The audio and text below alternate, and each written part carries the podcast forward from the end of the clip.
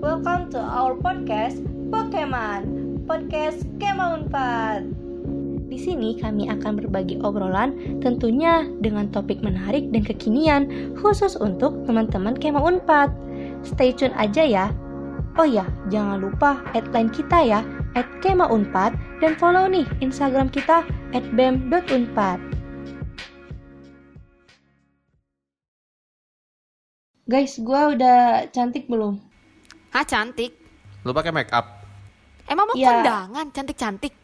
Ya muka gua, maksudnya kan kita nge-podcast nih, ya gua pengen kelihatan perfect lah. Ya ampun, perfect-perfect apaan sih? Iya kan podcast tuh nggak kayak vlogging, jadi lu Tuh, tuh nggak bisa kelihatan tuh. wajahnya. Bener banget, Kak. aja. iya. Jangan Gua modal lupa, muka, modal guys. ngomong. Gue aja Oh ini iya, pakai gua baju lupa, biasa sorry, sorry. aja. Aduh, gua lupa guys, sumpah deh. Hmm, yaudahlah Kang Radit, mulai yuk, sok weh.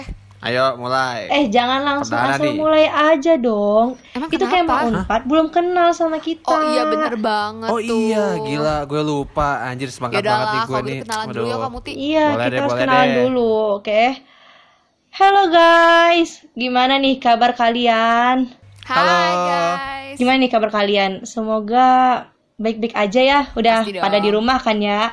Hmm, bener banget. Em, by the way, kita udah ngomong panjang kali lebar kali tinggi sama volume nih ya. Ehe. Tapi kita belum kenalan nih. Tak kenal maka tak sayang. Iya nggak sih guys? Bener banget. Iya, betul sekali. Nah, jadi kenalin dulu nih. Gua Mutia dari FTIP Unpad 2018. Nah, di sini gua ditemanin sama teman-teman gua. Boleh banget nih kenalan dulu. Halo guys, kenalin gue Radit dari Sastra Perobatan. Cela. Sastra- Waduh, ah, sastra itu yang perobatan. Ya? Fakultas Farmasi Gak, gak, gak bercanda, bercanda. Gak ada jurusan sastra perobatan. Ada juga jurusan farmasi. Ya guys, gue dari Wih. farmasi angkatan 2016. Halo Kang Radit. Radit, lanjut ke gue, gue Maharani dari Vkom 2019. Hai Arai. Yeay. Oke, sudah lengkap nih kita udah kenalan bertiga. Nah, jadi di sini kita bertiga bakal nemenin Kema Unpad dalam beberapa menit ke depan nih. Iya, kalau gitu kayak mau buat siap-siap ya. Kabarnya tetap baik kan, tetap sehat kan? Gak kenapa-napa kan? Semoga saya sehat aja nih ya. Udah pada di rumah masing-masing dong. Udah ngerjain tugas kuliah nih ya. Aduh. Iya, udah ketemu keluarga dan pastinya ya, ya semoga enjoy lah dengan pandemi di tengah pandemi seperti ini. Bener banget gak sih? Iya dong. Nah, gua mau tanya nih. Eh, Radit sama Ara udah pada di rumah kan ya? Hmm, Hmm, gimana ya? Gimana ya? Aduh, ini kok Gue jawabannya masih beda di nih ya. gue masih di, di Jatinangor sih. Oh, serius? Dia jadi nangor. Serius Iya. jadi nangor. Iya, ya dikit-dikit mepet dikit lah. Aduh, Lebih mepet di daerah-daerah Cibiru pokoknya. Oh, di Ya, mah Cibiru. Bandung. Loh, kok Yaudahlah belum ya. belum pulang nih?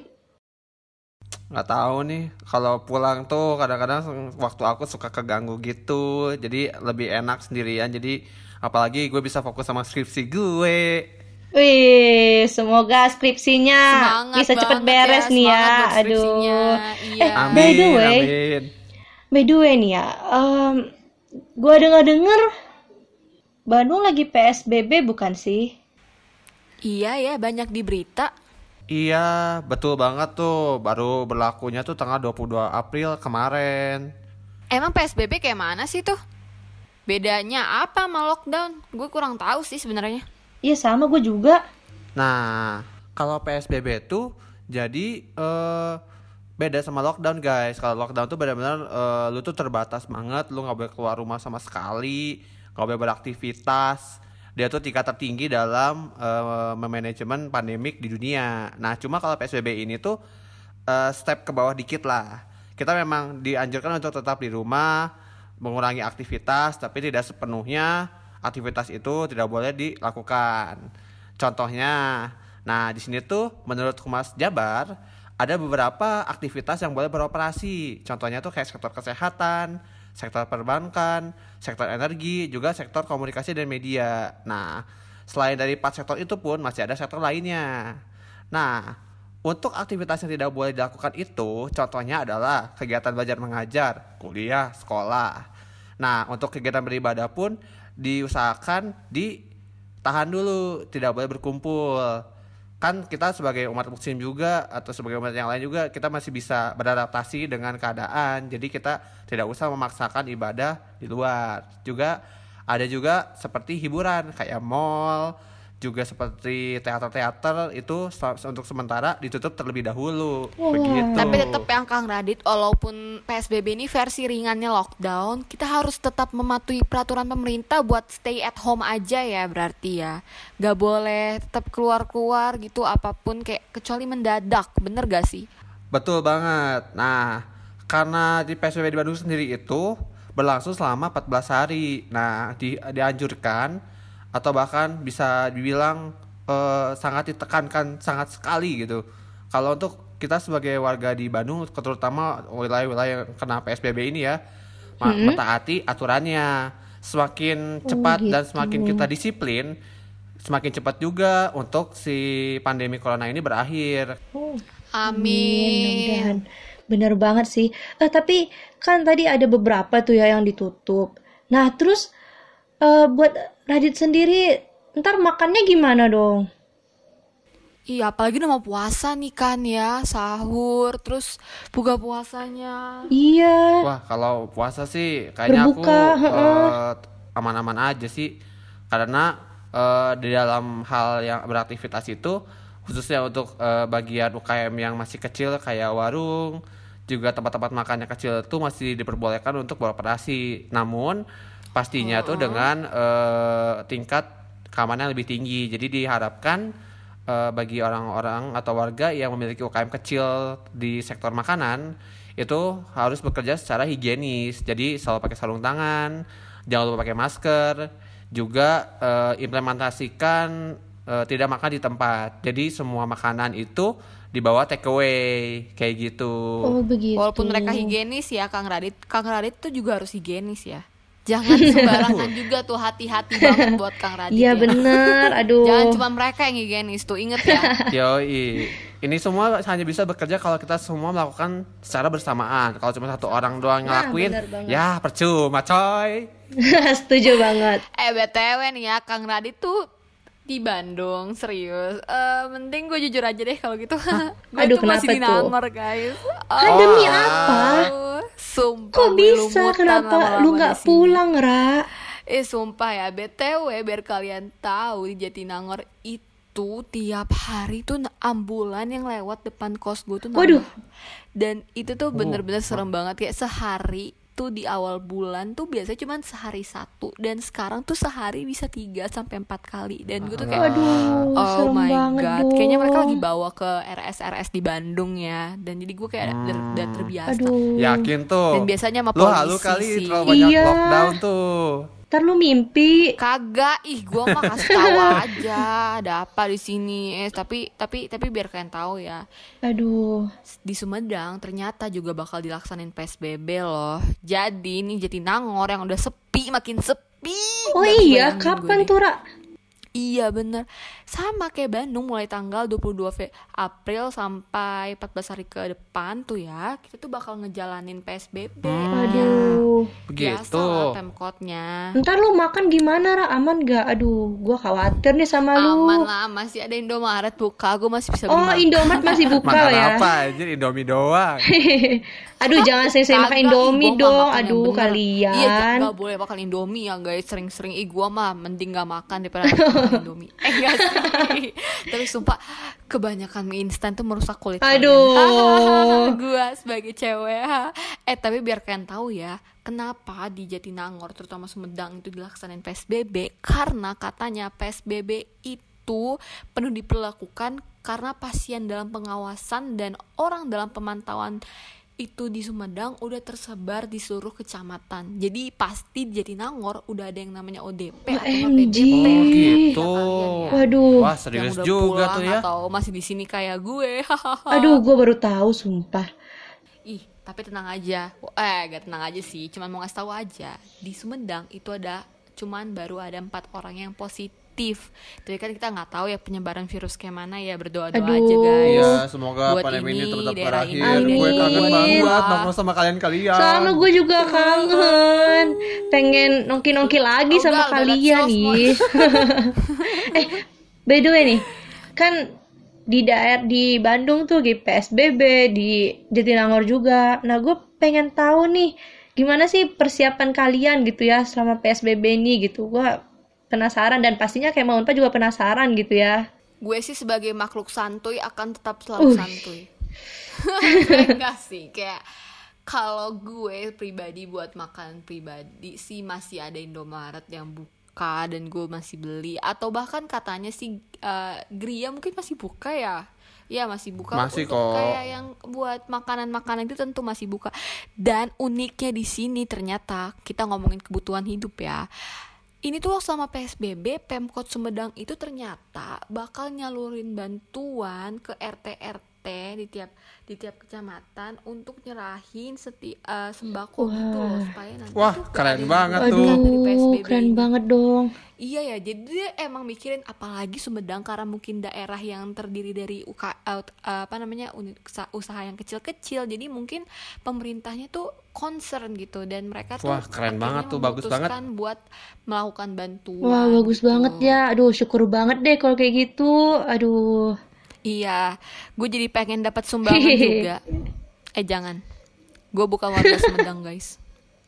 Eh, ingat jadi sembako. Kalian tahu nggak sih kalau sembako tuh, gue jadi ingat deh kemarin tuh ya BMK Unpad tuh udah melaksanakan eh, pembagian sembako guys untuk mahasiswa-mahasiswa yang masih di di- Jatinangor. Kalian tahu nggak? Oh, aku tahu sih, tapi aku nggak dapet. Apa itu yang dia selama doang ya? Kayak dia selama deh. Nah, bagi mahasiswa yang belum dapat, mungkin eh, tidak terdaftar. Mungkin kamu nggak ngedaftar ya. Eh sumpah itu yang buat asrama kali salah ih. Kalau kita sih dapat datanya tuh dari BEM eh, bantuan dari BEM fakultas juga. Jadi kita ke data mahasiswa siapa aja yang akan stay di Jatinangor. Juga kita akan membagikan sembako itu ke mahasiswa untuk bagi yang membutuhkan seperti itu. Wah, keren banget tuh. Sangat sangat bermanfaat banget. Pantes sih aku lihat kayak ada kalau bu kayak ajakan buat donasi sebenarnya itu buat donasi termasuk itu gak sih Kang? Iya, nah buat ngebantuin dia. BMK 4 juga menggalang dana untuk ba- mahasiswa yang di luar atau mahasiswa yang bisa juga alumni dan berbagai macam elemen masyarakat untuk turut membantu bisa mendonasikannya itu melewati BMK Unpad. Wah, yang tergerak keren, keren, hatinya keren, mulai ikut berdonasi ya. Em, terus kalau Radit nih, gimana? Em, persiapan PSBB-nya gimana? Pengen tahu dong. Kalau aku sih PSBB hmm, karena aku di Cibiru, aku tuh planningnya nanti hari beberapa hari pas sudah mulai puasa mungkin lima hari tiga hari setelah mulai puasa tuh gue pengen balik sih ke rumah gue. Cuma gue rada-rada eh, bingung juga karena kalau misalnya gue dari Cibiru itu eh, rumah gue kan di Bandung.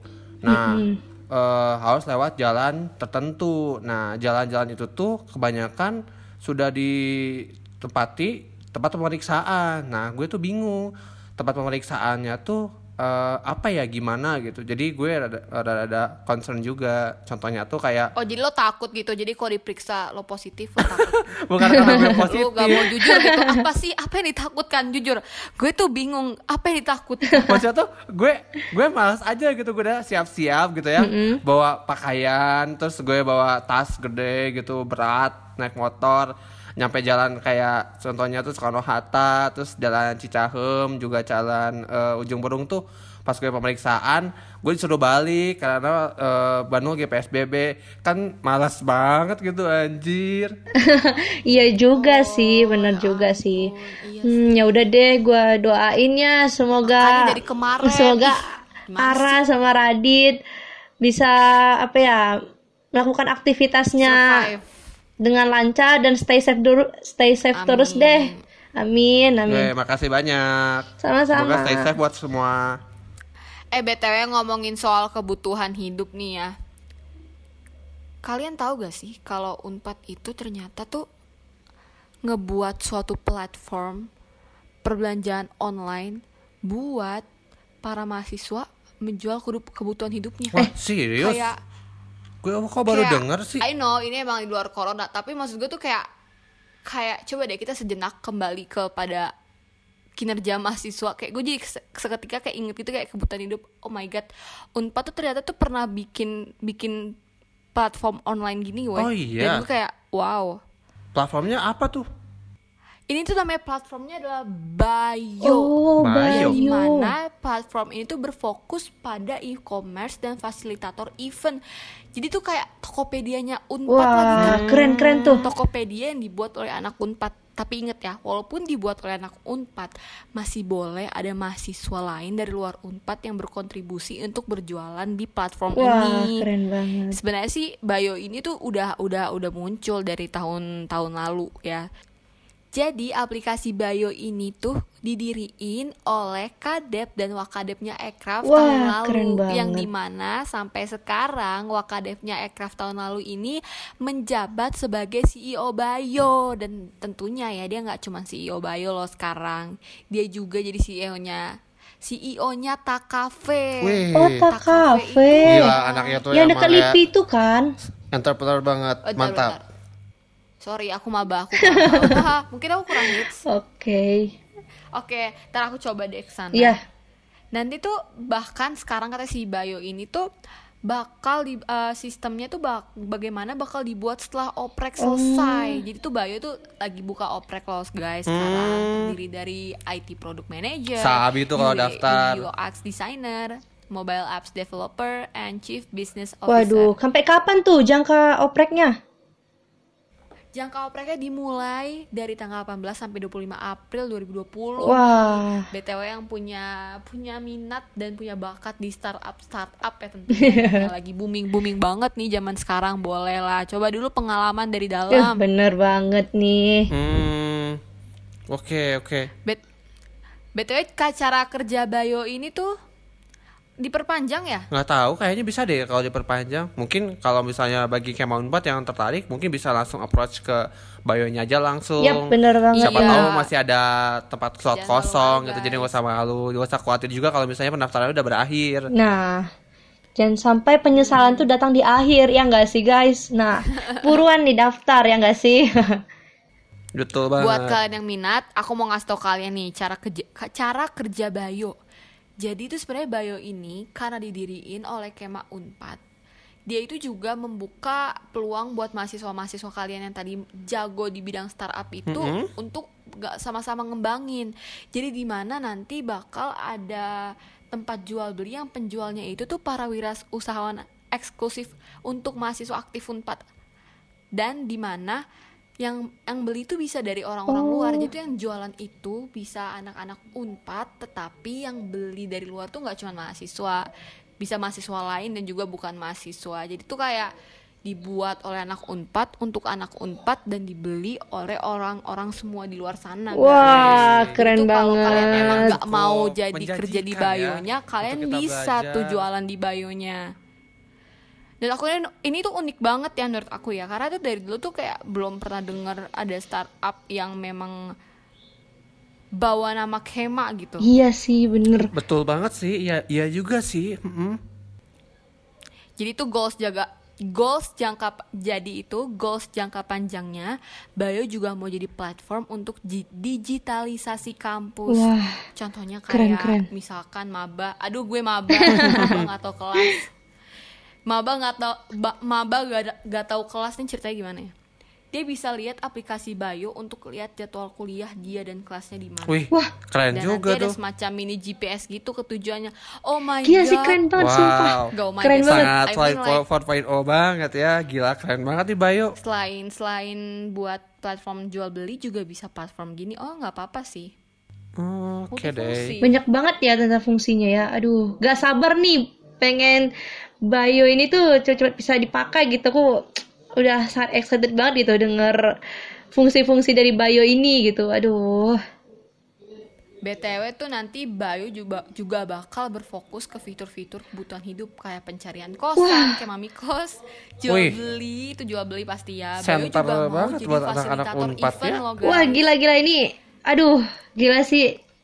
Eh ini yang paling penting nih fasilita- fasilitator event. Contohnya itu kayak Forsi dong. pada Tahu dong. Gayo itu bisa jadi aplikasi yang menayangkan live score-nya gitu atau jual tiket Wah. online melalui Bayo. Aduh, Oh, keren banget. Berarti nggak perlu susah-susah gitu ya kita kalau mau jual tiket kan biasanya eh, apa jual ya kayak tawarin ke orang-orang gitu-gitu ya atau enggak yang biasanya digerlam ya enggak sih panas-panasan. Tapi ini Iya, jadi, jadi lebih mudah Aku buat sih orang-orang beli lebih tiket terpercaya gitu. gak sih kalau lewat Iya, Bayo bener. ini beli-beli tiket yang dari Unpadnya langsung Iya, dan karena juga dia emang pada mudah dasarnya dibawahin. Unpad. Iya sih ini keren banget. Iya. Gue gak sabar banget sumpah. Gue gak sabar banget. Terus juga Bayo itu juga jadi fasilitator kayak Netflix misalkan di film di Vcom nih. Gimana tuh? Vcom kan banyak yang bikin film-film gitu, bisa tuh streaming Aduh, via Bayo. oh my God. Oh my god, fix gue pengen jadi sering banget main film supaya jadi artis Vcom artis Netflixnya. Unpad guys. Wah, elah. Gue OTW jadi artis Netflix Aduh, yang Unpad, gila, bye. Keren banget, keren banget. Eh jangan Gila, gue bercanda. Gils. Pokoknya singkatnya ini Bayo dalam jangka pendek dan panjang mau jadi platform mirip, mirip GoPay, Netflix, dan Tokopedia. Wah, itu keren, keren, gitu keren. guys, GoPay, Oh Netflix. gitu Bayo tuh. Kreatif banget fix. Gue the next CEO deh. Ba wih, Jadi Guys, pede banget jadi guys, guys. CEO anjay. gue mau sedikit curhat nih. Eh, Gue mau sedikit curhat nih. Em, apa tuh? Kan Kenapa? Udah banyak aplikasi ya, pagi pandemik kayak sekarang gini gitu ya, yang entar ada bio, ada apa kok kayak kuliah online gitu ya, butuh beberapa aplikasi Iya. lainnya gitu. Nah, jadi HP gue tuh jadi lemot gitu loh, kebanyakan data. Aduh sedih banget guys. Dan Ampun, itu udah ganti saatnya HP tuh kamu kali. gitu. aduh gimana Udah mau ganti HP harus guys? merelakan yang lama dan mengganti yang baru. Anjay. Aduh, tapi Udah kayak hati aja tuh ya. tapi duit itu tuh aduh apalagi HP-HP sekarang nih ya kalau yang baru-baru tuh pasti harganya makin naik gitu apalagi sekarang-sekarang kan HP itu udah yang terbaru tuh udah harganya udah kayak belasan gitu-gitu nah gimana gue mau ganti baru coba masa gue beli yang yang Asia nggak Hidayah. terbaru Fix Asia Hidayah ini. Asia Hidayah. Eh, tapi Asia Hidayah gak bisa pakai buat kuliah online, cuy. Jadi tidak menjadikan solusi itu. aduh yang bener aja dong ntar gue nggak bisa kuliah online Eh, eh. Apa? Kayaknya aku ada solusi deh buat kamu. Gue Apa dapat tuh? berita terbaru nih minggu kemarin nih. apa tuh kang Emang apa? Nah, jadi kemarin itu eh, Apple baru ngeluarin HP terbaru, guys. Hah demi apa sih? Demi apa? Lagi Lah, baru. HP baru, aduh, aduh, dit gini deh. Lu mau Iya, nawarin iPhone ke gua, aduh, duit gua nggak ada, dit. Gak cukup pasti harganya udah belasan atau Aduh, udah puluhan. jangan merendah kamu. Eh, Aduh. it's- it's- it's- Jangan salah sangka dulu. Apa tuh? Nah, Wah, kenapa tuh? Ka- kalau kalau kalau orang-orang awam mungkin bakal mendengar kata Apple tuh memang mahal ya produk mahal gitu maksudnya belasan juta segala macam namun di rilis launching kemarin itu mereka eh, merilis sebuah iPhone yang bisa diambil sama kalangan yang eh, tidak ingin HP begitu mahal sampai belasan juta. Jadi eh, dalam line up, line up HP mereka tuh HP ini tuh adalah line up yang paling murahnya. Mau tahu nggak namanya apa? Apa tuh namanya? Nah, namanya tuh iPhone SE 2, guys. Jadi iPhone SE ini tuh adalah generasi kedua dari iPhone SE yang bentuknya tuh kayak iPhone 5S. Oh. Nah, HP ini tuh ditargetkan untuk orang-orang yang eh, ingin masuk ke ekosistemnya Apple tapi tidak mau mengeluarkan duit banyak. Waduh. Jadi kasarnya ini iPhone yang baru ini untuk sobat-sobat miskin ya. Cocok buat Waduh, mahasiswa. kayak gua dong berarti ya. Aduh. Kasian banget sobat miskin. ya sebenarnya sih kalau kita bandingkan dengan Android sih eh, Android lebih banyak pilihan yang lebih murahnya tentunya. Iya, ya. Namun bagi orang-orang nih ya yang misalnya mereka udah ngebet banget pengen masuk ke ekosistem Apple, pengen jadi pengen ngerasain iOS gimana. Tapi mereka punya budget yang limited gitu. Iya, nah, iya. mereka bisa tuh eh, beli mungkin kalau dulu-dulu itu beli, beli kayak iPhone 7, iPhone 8 yang bekas, tapi karena ada iPhone SE 2 ini, mereka nggak perlu tuh beli iPhone 7, iPhone 8 yang bekas. Mereka bisa dapatkan hal yang baru juga dengan chipset yang terbaru juga kayak gitu. Wait, wait, wait, wait. Eh, kan Radit dari tadi kan udah jelasin ya segala macam lalala. Emang harganya berapa sih? Ntar harganya belasan tetap belasan juga ya sama aja. Aduh. Nah, Mungkin beda kelas gini. ya yang murah buat Kenapa Kang bisa Radit bilang murah? murah buat kalangan kita tuh kayak mana ya? Iya bener. Nah, untuk kalangan maksudnya di sini murah tuh eh, kita bandingin dengan iPhone 7 sama iPhone 8. iPhone iPhone 7, iPhone 8 tuh mungkin di kisa- kisaran 4 sampai 8 ju- sampai 8 juta. Nah, bagi orang-orang yang misalnya beli HP itu dan bekas itu kan kasihan banget kan udah ma 8 juta tapi harganya 8 juta eh udah harganya mahal 8 juta tapi dia bekas juga. Iya, Nah, iPhone bener. SE ini tuh dia baru dan harganya itu cuma 3 eh, 4 399 dolar. 399 dolar tuh kalau kita konversiin tuh sekitar 6 sampai 7 juta. Fix Jadi- corona cepat Seriusan? please dolar Cocok lah Oh bagi my orang-orang. God. Oh my ya god. cocok lah bagi orang-orang yang misalnya mau beli masuk ke ekosistem Apple tapi nggak mau punya beli iPhone 11 yang 13 juta itu loh. Iya. Dan mereka Waduh. ingin ya yang penting gue masuk iOS aja deh tapi gue nggak mau beli HP bekas jadi mereka bisa beli iPhone SE 2 itu. Pinter Aduh, ya Apple nih ya sekarang bakal ya. beli ingin nih. ter- Fix banget nih. Ingin lebih merakyat istilahnya. Bagus bagus. Biar Waduh. nggak terlalu elit Ya. lah. Gak Tumben apa-apa. banget emang Apple ngeluarin HP kayak gini biasanya mereka ngeluarinnya apa yang mahal-mahal banget. Waduh. Apalagi spek-speknya tuh dia yang iPhone SE 2 ini tuh sangat lebih tinggi dari iPhone 8 dan iPhone 7. Jadi orang-orang yang beli iPhone SE 2 ini nggak akan nyesel karena mereka eh, mendapatkan HP Apple yang murah tapi sebenarnya internal dalamnya tuh nggak murahan. Wow. Tetap sama kok kayak iPhone 11. Tumben banget loh. Biasanya kan kayak iPhone tuh kan kalau harganya murah tuh kan dia ya udah ke segini kualitasnya dan semakin tinggi harganya ya kualitasnya makin naik. Tapi ini tuh harganya murah Iya. tapi kualitasnya malah setinggi itu gitu ya. Setingkat sama iPhone 11. Waduh gila sih Seperti keren itu. banget. Aduh fix ini mah fix. Iya, jadi bagi orang-orang yang misalnya masih suka dengan eh, bentuk dari iPhone 8 tapi ingin punya chipset yang terbaru, kamera terbaru, juga semuanya tuh fitur-fitur terbaru yang dari iPhone 11 itu bisa beli iPhone SE 2 kayak gitu. Boleh tuh Kema Unpad nabung dari sekarang kalau mau ganti HP. Bener, dah pagi pengen iPhone nih, ini kesempatan banget ya nggak sih? Tapi iPhone ini tuh rilisnya kapan sih? Udah rilis belum? Ter jangan-jangan belum rilis lagi. Nah, untuk rilis ini tuh mereka rilis lewat launching website. Biasanya tuh Apple suka buat kayak seminar gede-gedean atau conference gitu, tapi karena ada COVID-19, jadi mereka juga harus menyesuaikan dengan rilisnya tuh di website aja. Oh, tapi gitu. orang-orang tuh bisa mulai beli HP ini tuh di negara-negara yang sudah ada Apple Store-nya per tanggal sekitar 30 April Wah, oke fix nih gua harus dapetin nih iPhone nih. Aduh. Atau enggak kakak nunggu corona kelar aja juga nggak apa-apa. Ya keburu udah kelar habis dong. Ke- iya. Iya, Keburu kelar kelar dong. Udah gak ada kuliah online dong. Oh iya. Aduh, gimana sih Ra? Goblok Eh, gua ya. by the way nih ampun. kan kita kuliah online, kuliah online nih. Kan ini capek banget kuliah sumpah online tuh kan online. Gua nggak kuat. sama gue juga tugasnya banyak ya nggak sih? gue makin tepos udah tepos makin tepos. Oh my god.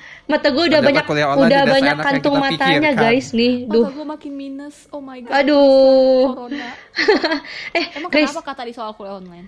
gini, kan kuliah online tuh kan kita tuh biasanya seringnya pakai apa sih? Biasanya seringnya pakai WhatsApp group, pakai Google Why, of Wah Meet. serius WhatsApp group Wah keren banget anjir Iya. pakai WhatsApp group Iya, dan ada juga nih pakai eh, Zoom, terus kita pakai apa Iya dia? pakai Zoom gak Google sih Banyak.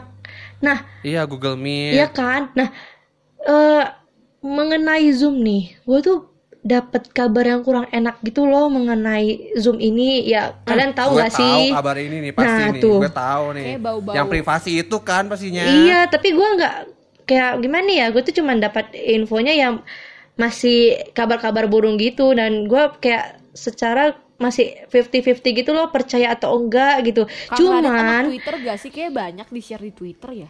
Cuman Iya iya, tapi nih, nah. sayangnya nih gue kan gak pakai Heeh. Twitter nih ya, ya salah gue sih memang. Cuman eh Ya. tapi gue walaupun 50-50 nih percaya apa kagak gitu kan, tapi gue ya mutusin buat hapus akun eh, Zoom gua, Zoom gua karena ya gue Emang ada takut apa guys. Sih? Kok pada takut? Ada apaan? Sumpah gue kagak baca apa-apa. Mungkin Kang Radit tahu ya. Boleh kasih tahu dong. Iya boleh banget nih kang.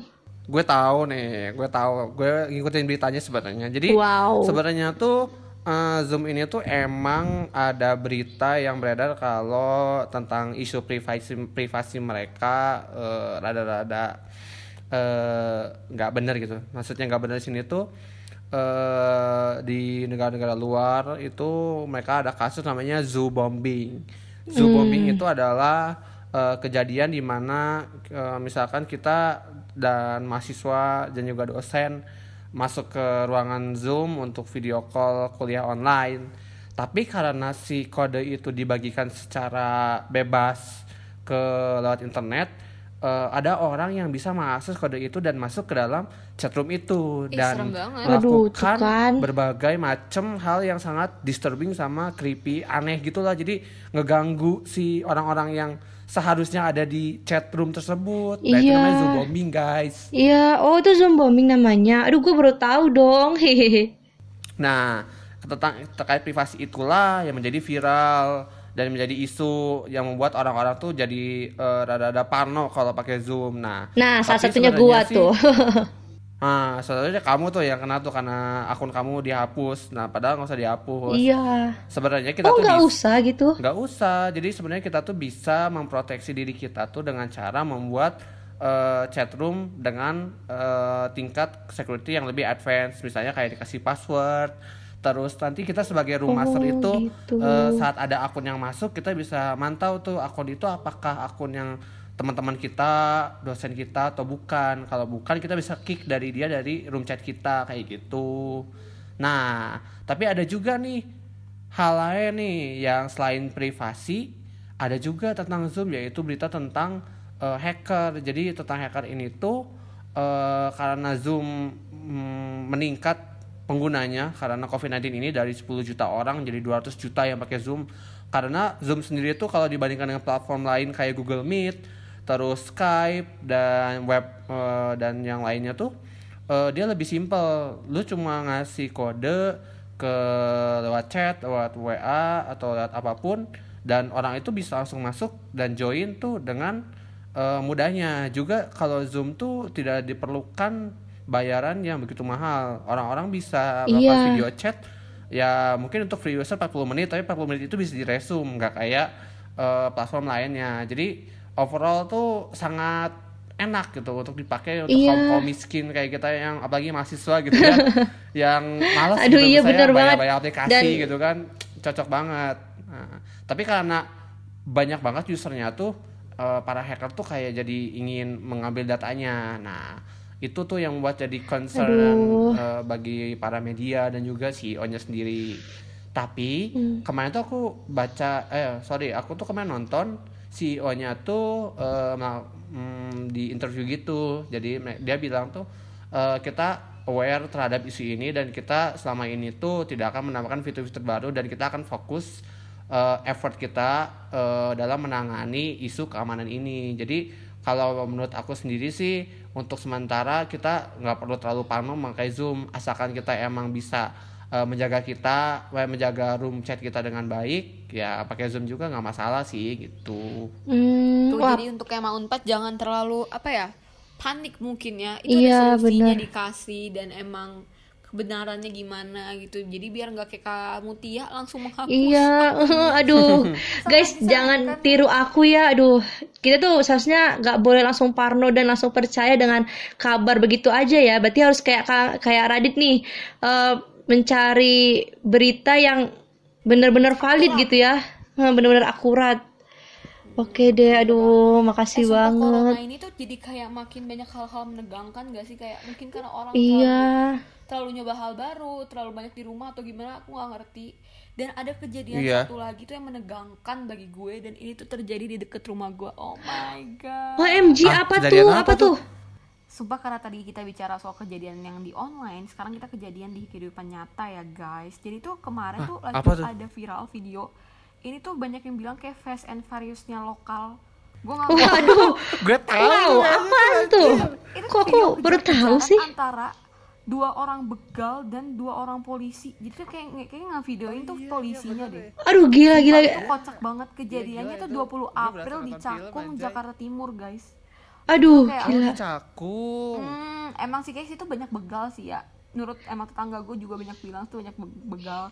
Jadi tuh kata polisi tuh polisi tuh udah mengeluarkan tembakan waktu lagi ngejar-ngejar. Tapi tuh tembakan itu justru membuat pelaku tuh kayak terus tancap gas tuh. Ini kayaknya agak ini ya di sini ada korban Aduh. tulisnya lokal tuh. Ada Enggak kayak, kayak Aduh. kayaknya tuh mereka tuh wah gila gue ditembakin polisi. Gue kayak kayak film. Jadi excitementnya tinggi banget tuh adrenalinnya tinggi nggak banget. ngerti, yang ngevideoin tuh polisinya tuh bener-bener kayak tahan ya. Gue tuh udah kayak pasti tuh udah jatuh HP gue anjir kalau gue ngevideoin.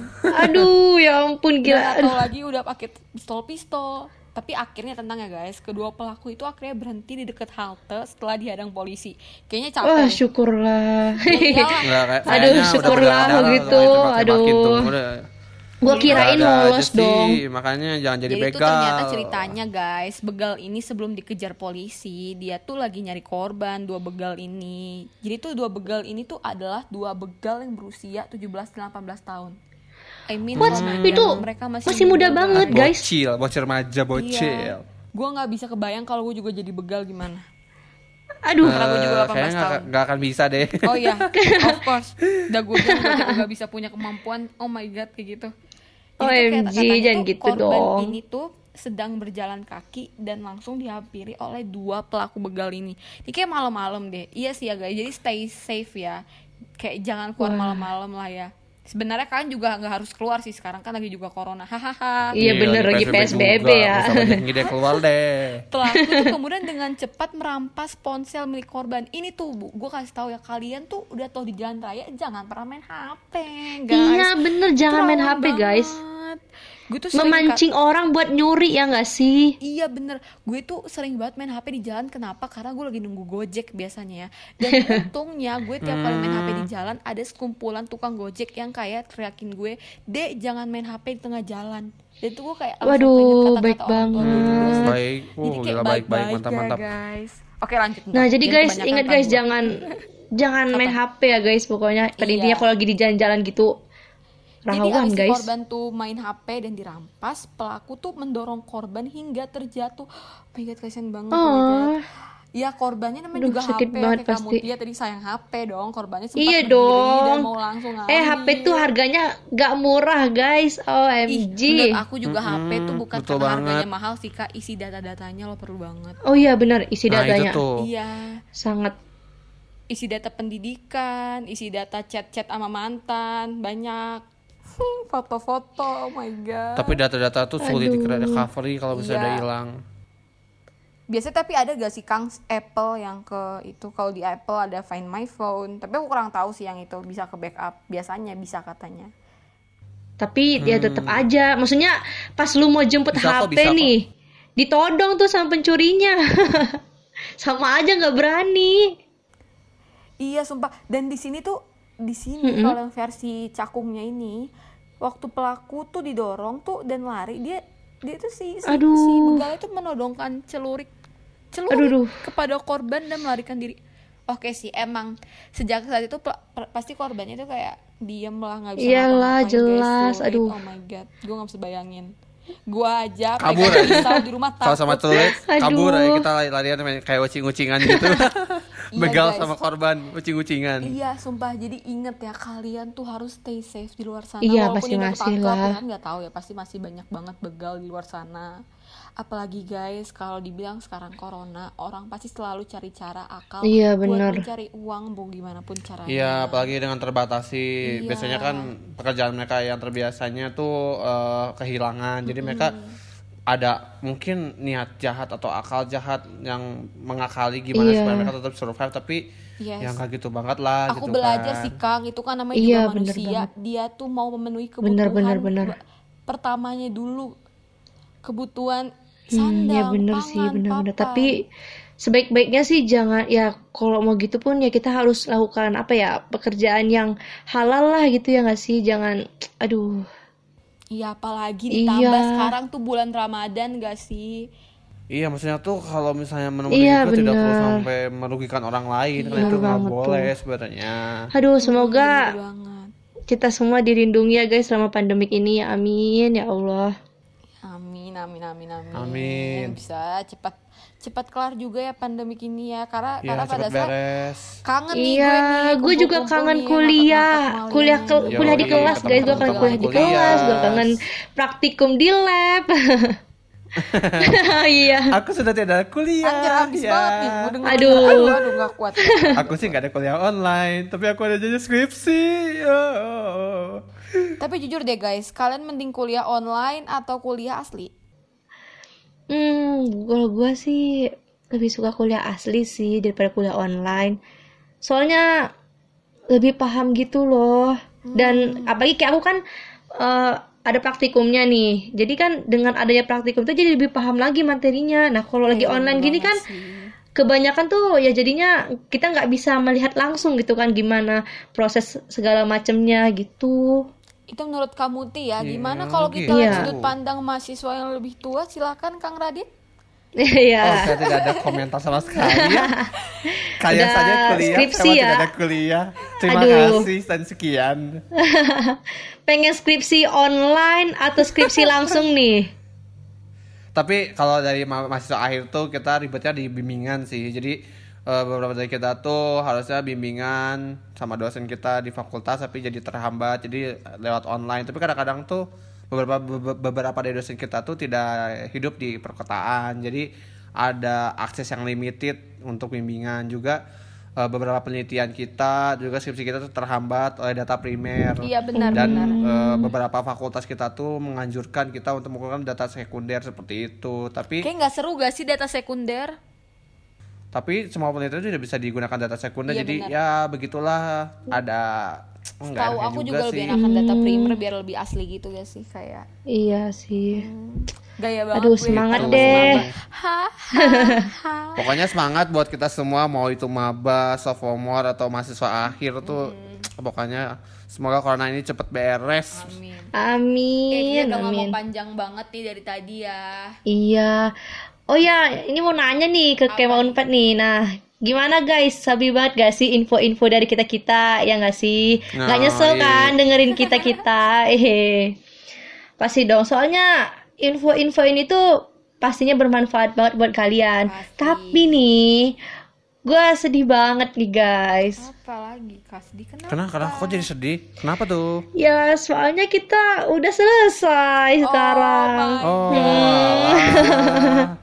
Ah, Aduh. tidak apa-apa Kemal 4 tuh harus stay tune terus sama podcast kita Iya. untuk tahu info Stay berikutnya. tune, dengerin terus suara-suara kita yang bakal menemani keseharian kalian kuliah online di rumah. Yeay. So, uh, thanks ya guys uh, buat kalian yang udah nemenin kita nih dari awal dan ikutin terus nih podcast-podcast selanjutnya ya.